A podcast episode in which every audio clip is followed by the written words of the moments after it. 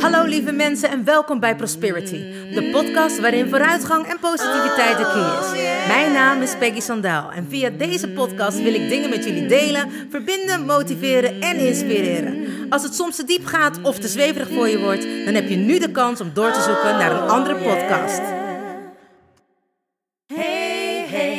You still there? Do you want to listen or just don't care? I'm singing my song and talking my talk. Talk away your feeling and walk my walk. I'm here to share, connect and give. All I got, I call it God's gift. So listen and learn and do what's good for you. I have no expectations,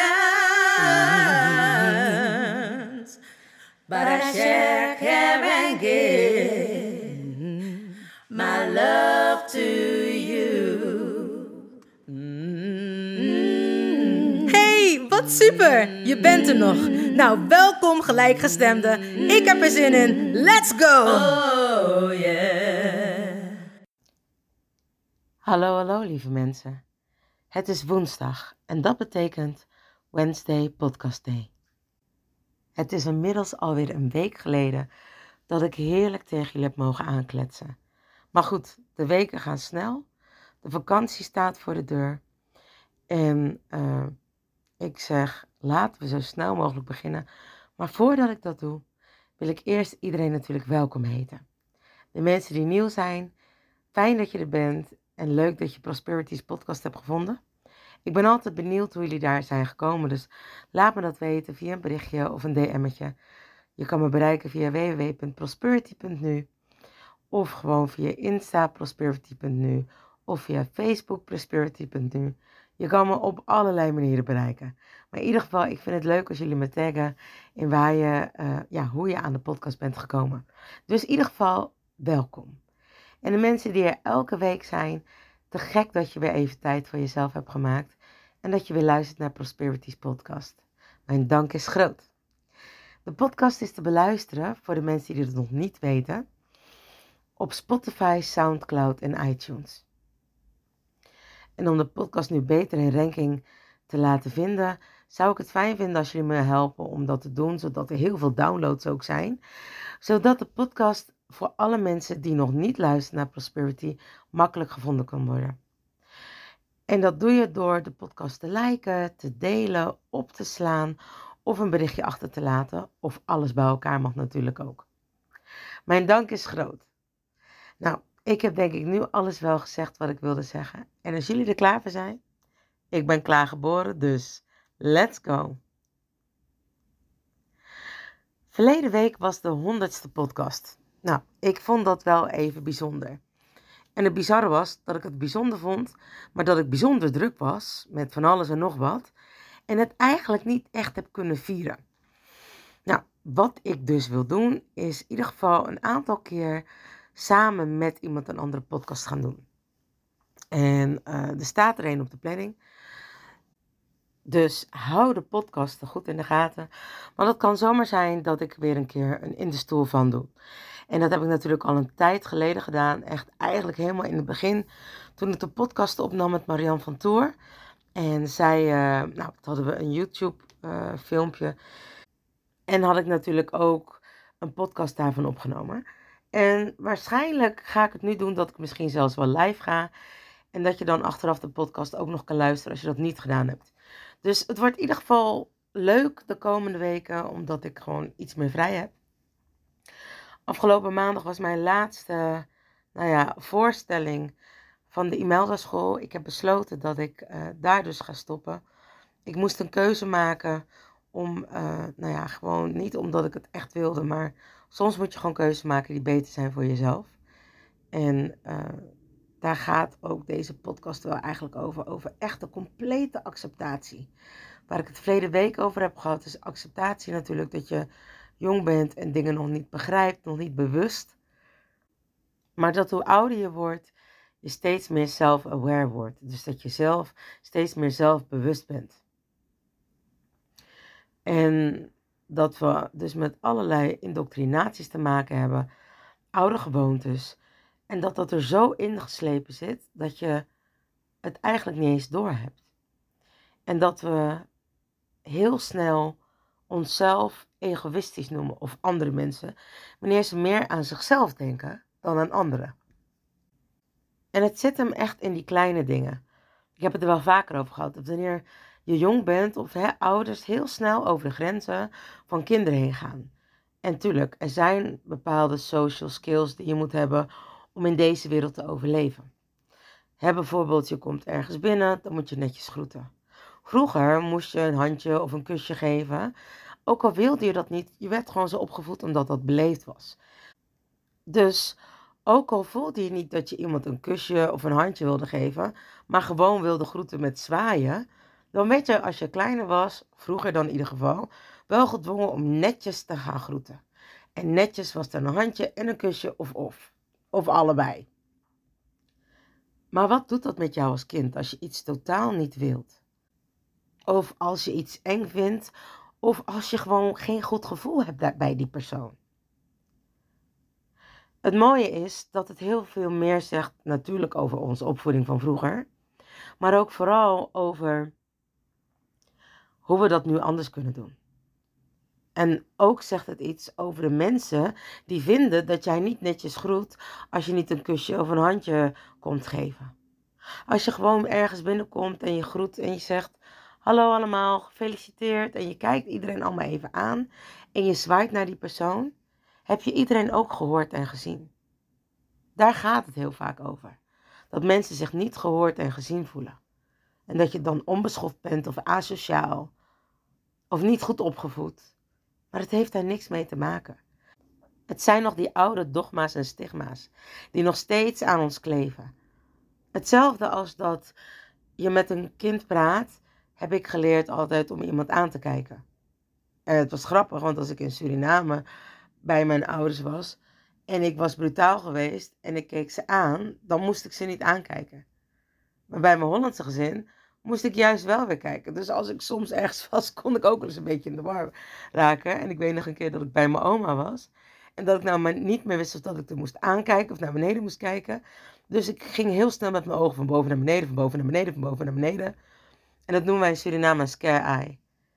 En mijn oma die zei, je bent echt vrijpostig. En ik zei, oma sorry, ik weet gewoon niet meer waar ik moet kijken.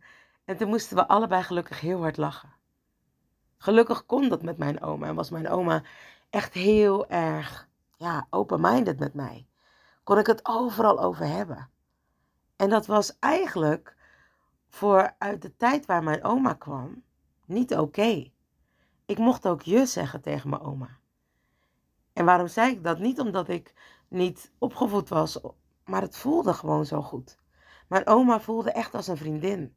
Ik kookte met mijn oma, ik kon alles aan haar vertellen, ik kon alles vragen en mijn oma deelde ook alles. En op die manier heb ik gelukkig ook mijn cultuur meegekregen.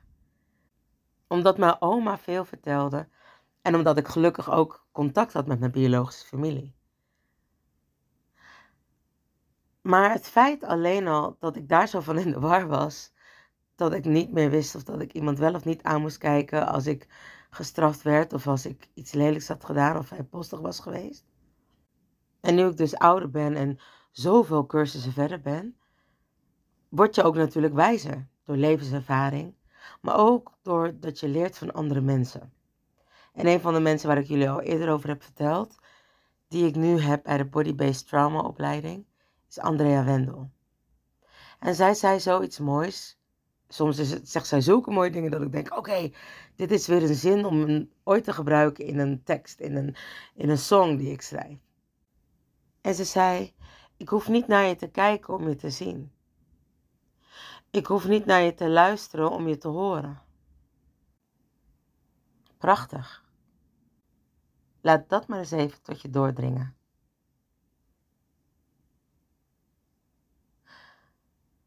Ik geef heel veel les aan kinderen. En wat ik net zei, ik ben gestopt bij de Imelda school omdat ik voor mezelf moest kiezen. Omdat het te druk is en dat merken jullie ook omdat er niet meer wekelijks een blog is. Maar wanneer ik de tijd heb, schrijf ik die zeker. En dan meld ik het natuurlijk ook overal op de socials. En je kan altijd even scrollen op de pagina, want ik geloof dat daar ook al inmiddels 100 bloggen zijn geweest. Maar anyway, soms heb je kinderen of mensen die je niet kunnen aankijken als je met ze praat. Ik heb vroeger geleerd dat het dus onbeleefd is als je niet naar iemand kijkt wanneer je met diegene praat. Maar als je er nu op gaat letten, hoe awkward kan het soms zijn als iemand je continu aankijkt? En het is ook met de intentie waarmee iemand kijkt, of met de attentie die iemand je geeft. Als de attentie daar is dat je heel erg met iemand bezig bent, hoef je niet continu te kijken. Kun je soms ook even wegkijken om dan weer vervolgens die persoon aan te kijken. En er was een jongetje bij mij op school, bij de Imelda school, die wanneer ik tegen hem sprak nooit naar me keek. En in het begin dacht ik, uh, hallo, ik zit hier. En natuurlijk heb ik dat ook een keer gezegd. En vervolgens keek hij wel naar me, maar uiteindelijk draaide hij weer weg. En ik liet dat op een gegeven moment, want ik was gewend dat hij me niet meer aankeek. En ik zei alleen maar aan het einde: Heb je me wel gehoord? En dan knikte hij. En vroeg ik: Heb je me ook begrepen? En dan knikte hij weer. Toen zei ik: Oké. En dat was onze verstandhouding. Hij hoefde niet naar me te kijken om het te kunnen zien. En hij hoefde niet naar me te luisteren om het te kunnen horen. Het was goed zo. Want hij had alles meegekregen wat nodig was. Hij raakte niet overprikkeld of vond het niet eng, want hij kon me gewoon horen.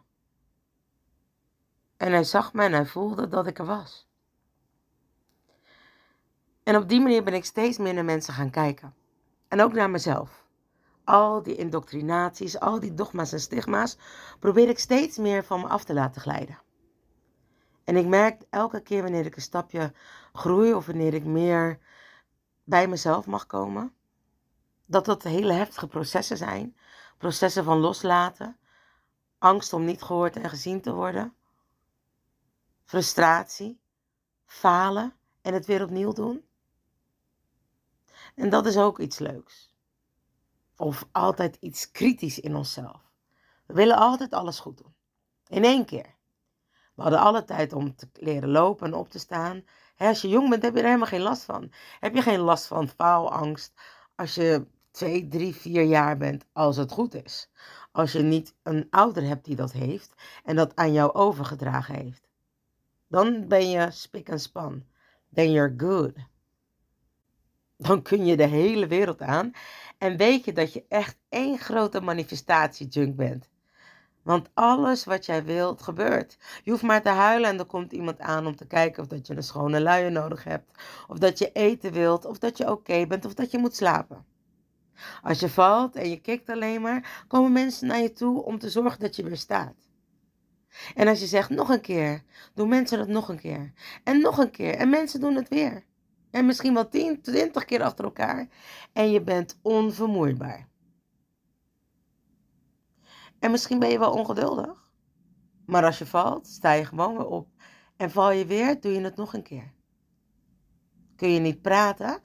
Je blijft net zo lang oefenen totdat je het woordje mama kan zeggen. En het mooie is, wanneer je dat dan eenmaal kunt, zeg je het gewoon heel achterloos. Terwijl je eerst de hele tijd.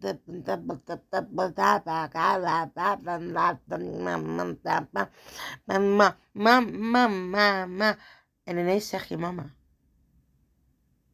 Maar oh wee, als we nu iets nieuws leren, en dat gaat niet in één keer goed. Dan voelen we ons dom en achterlijk en zitten we niet gelijk goed in ons vel en hebben we een heel groot drama. Terwijl, wanneer we ons focussen en het vaker blijven doen en blijven repeteren en blijven herhalen en misschien wel twintig keer een fout maken, worden we uiteindelijk supergoed in dat ene wat we willen. En daar kom ik gelijk ook bij mezelf. Anders zou ik dit nooit aan jullie vertellen. Ik ben altijd bang om een bore-out te krijgen. Of niet eens bang, maar ik heb gewoon last van snel bore-outs. En ben ik inmiddels 43 en kom ik er gewoon achter dat het een soort van overlevingsinstinct is. Altijd maar doorgaan, altijd maar knallen.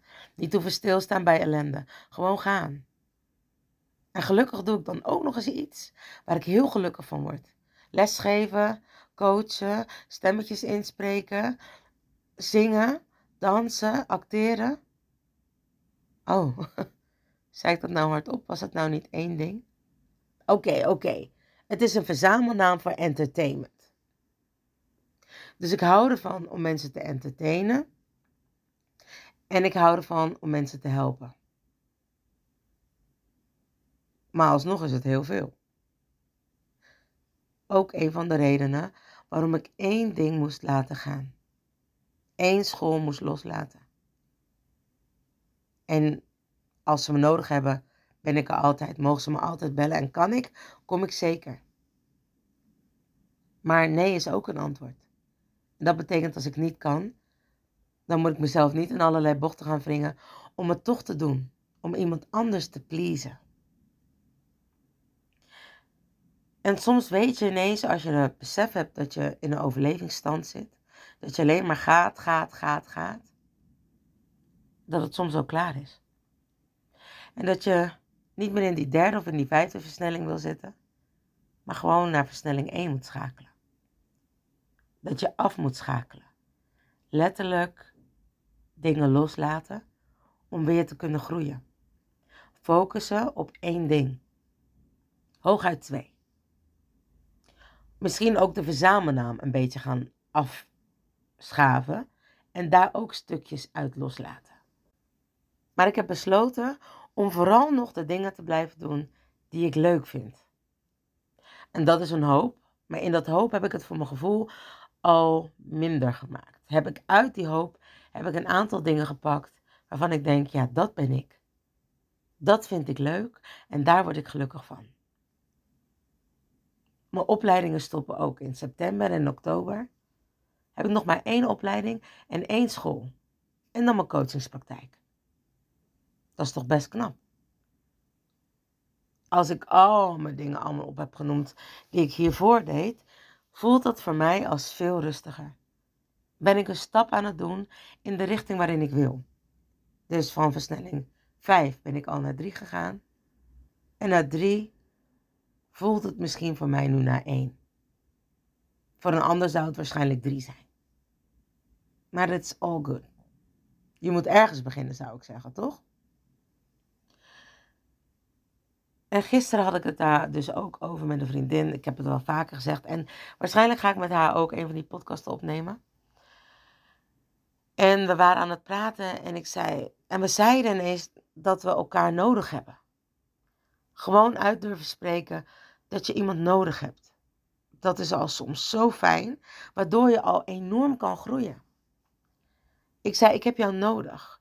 Elke keer wanneer ik met jou praat, heel ik een stuk van mezelf. Elke keer wanneer ik met jou praat, kom ik dichter bij mijn kern. En al wil ik het soms niet horen, dan zeg je: ho, ho, wacht even. Ik weet dat je het niet wil horen. Ik weet dat je het vervelend vindt dat ik nu tegen je ga zeggen. Maar je moet dit horen, zodat je weer kan groeien. Zodat je jezelf weer verder kan ontwikkelen.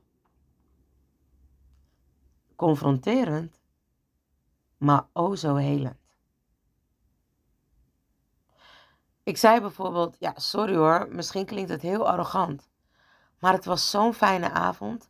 Iedereen vond me leuk. Iedereen wilde aan me zitten. Mensen wilden met me dansen, knuffelen en me groeten en mijn hand pakken. En ze vonden het fijn dat ik er was. Ik had dat nodig. Ik had het nodig dat een keer mensen dat tegen me zeiden. In plaats lelijk deden, omdat we niet beter weten hoe we tegen elkaar moeten doen omdat als we een keer aardig doen, we denken, oh oh, er zit wat achter. Omdat dat een soort van de gimmick is. Tough love. Ik heb geen zin meer om maskers op te houden.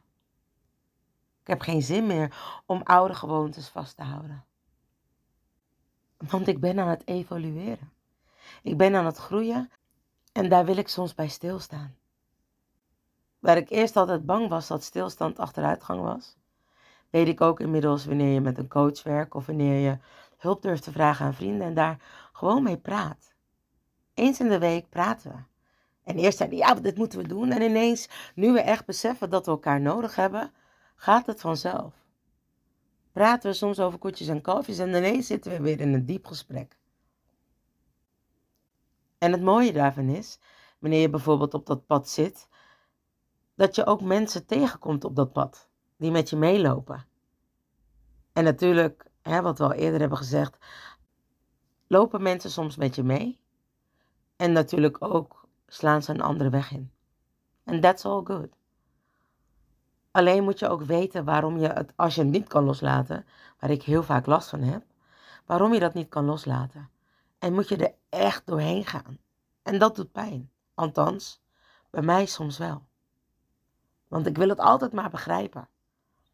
En ik had laatst had ik ook op Instagram, en ik weet niet of dat jullie dat hebben gezien, of dat jullie me daar volgen, bij Prosperity met nu, had ik een anekdote gedeeld, wat ik had meegemaakt weer over loslaten. Ik had twee jaar lang iemand leren kennen in de muziekindustrie. En dat was supergoed en we hadden dagelijks contact. En ik dacht op een gegeven moment dat die persoon een vriend geworden was. En nu ineens hoor ik die persoon niet meer, app ik, reageert die persoon niet meer. En dat vond ik heel pijnlijk. Waar we eerst, dacht ik, een soort van werkverhouding hadden, werd dat een vriendschap, een band. En ik legde dat aan haar uit en ze zei: Nee, je hebt het verkeerd begrepen. Jij bent spiritueel heel hoog en sensitief. Wanneer je zo spiritueel bent als dat jij bent, maak je connectie met mensen. En jij voelt dat iedereen één is.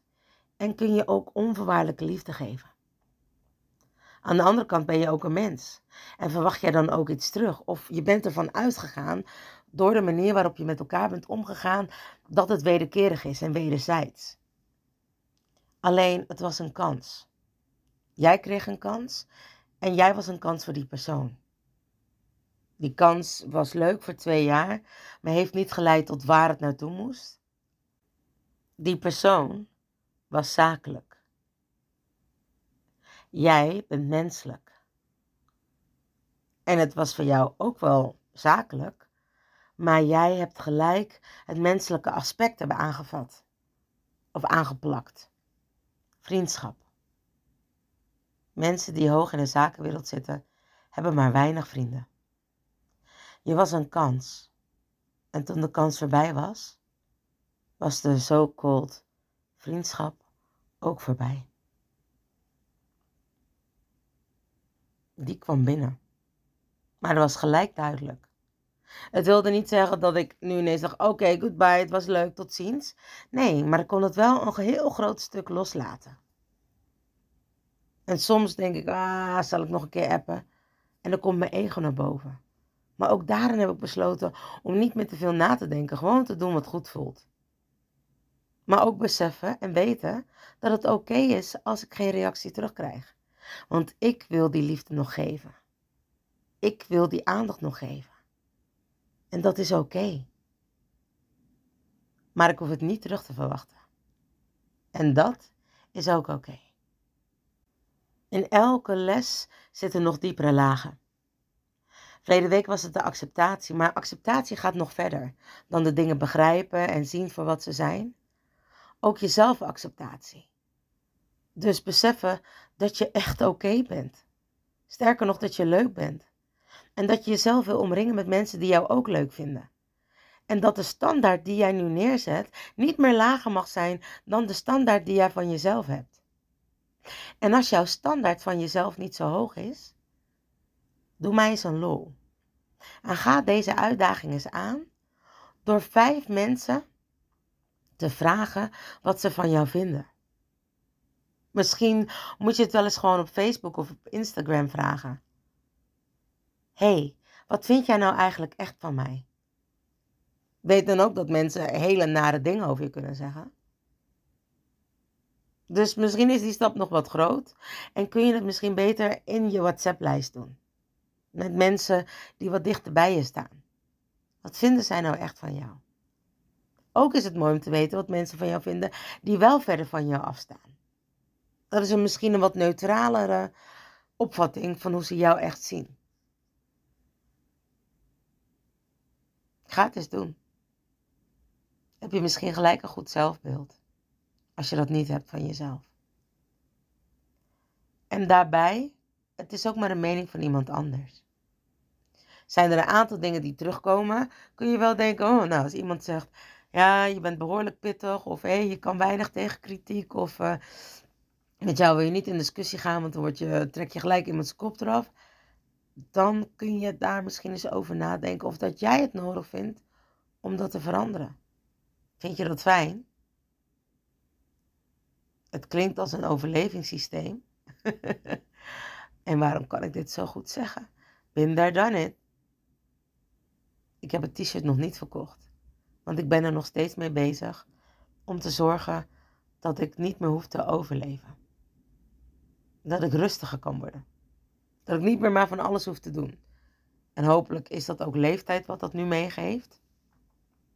Maar ik denk ook vooral met bewustzijn dat ik dat overlevingssysteem niet meer mij wil laten leiden, maar als ik druk wil zijn, dat dat een bewuste keuze is.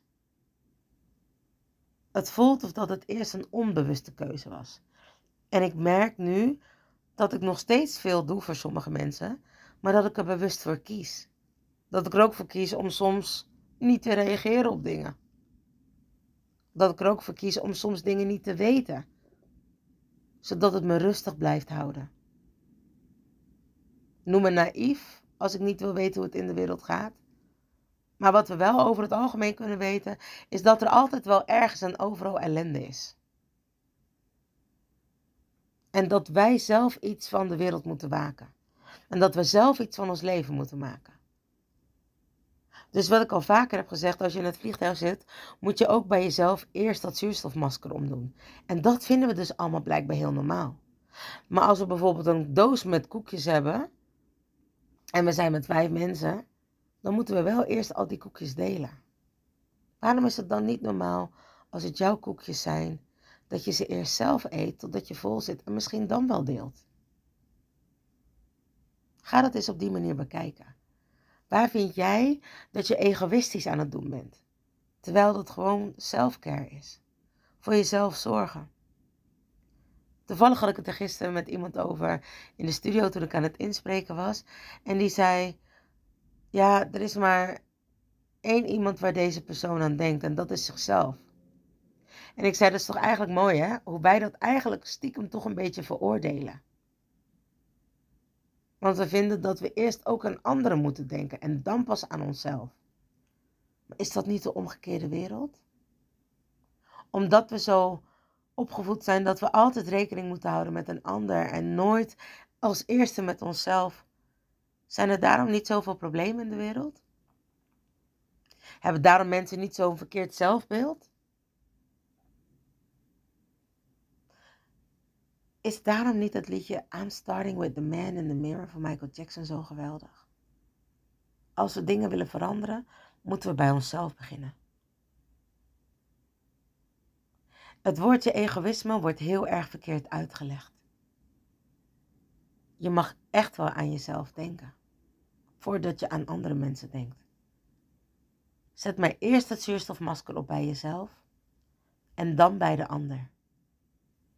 Oftewel, als je niet goed kan zijn voor jezelf, als jij niet weet wat je wilt in het leven, hoe kan een ander dat dan weten? Als jij je grenzen niet aangeeft, hoe kan een ander dan jouw grenzen respecteren? En zo kan ik nog een hele lijst noemen, maar ik denk dat de boodschap duidelijk is. Kortom, de acceptatie gaat nog veel verder en dieper. Het heeft met van alles te maken: eigenwaarde, zelfacceptatie, zelfliefde, zelfzorg. Egoïsme gaan zien als een positief iets in plaats als negatief. Zorg maar eerst voor jezelf en wees maar de helft zo lief, heeft ooit een oma gezegd van een hele lieve vriend van mij. Ik vond het mooie woorden en ik vond het super lief als ze ze zei. Maar nu ik ouder ben en niet meer wil overleven, begrijp ik pas echt wat ze zei. En ook al kon je niet naar me kijken, hoop ik dat je me toch hebt gezien. En ik weet, misschien heb je niet naar me geluisterd, maar heb je me wel gehoord. En dat is alles wat nodig was om de boodschap te begrijpen.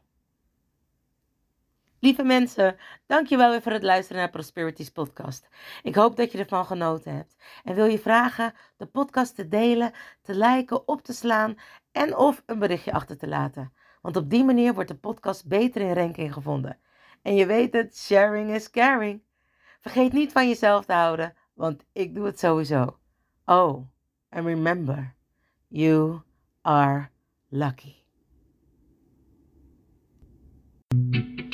Lieve mensen, bedankt voor het luisteren naar Prosperity, de podcast met vooruitgang en positiviteit als de key. Heb je iets aan deze podcastaflevering gehad? Of denk je, ik ken vast iemand die er iets aan heeft? Deel dan alsjeblieft de podcast, want ik geloof in sharing is caring. Ben je geïnspireerd en of gemotiveerd? Tag me dan met een screenshot via Instagram, deel het op je story of andere social media. Vergeet me niet te volgen, zodat je op de hoogte blijft van alle podcastafleveringen. En ik zou het te gek vinden als je de podcastaflevering opzoekt op SoundCloud of Spotify en laat een berichtje achter. Hoe meer berichtjes, hoe beter de podcast naar voren komt. En zo kunnen we met z'n allen een mooi ripple effect maken. Nogmaals dank en vergeet niet van jezelf te houden. Dan doe ik het sowieso. I salute you with love and remember, we are lucky.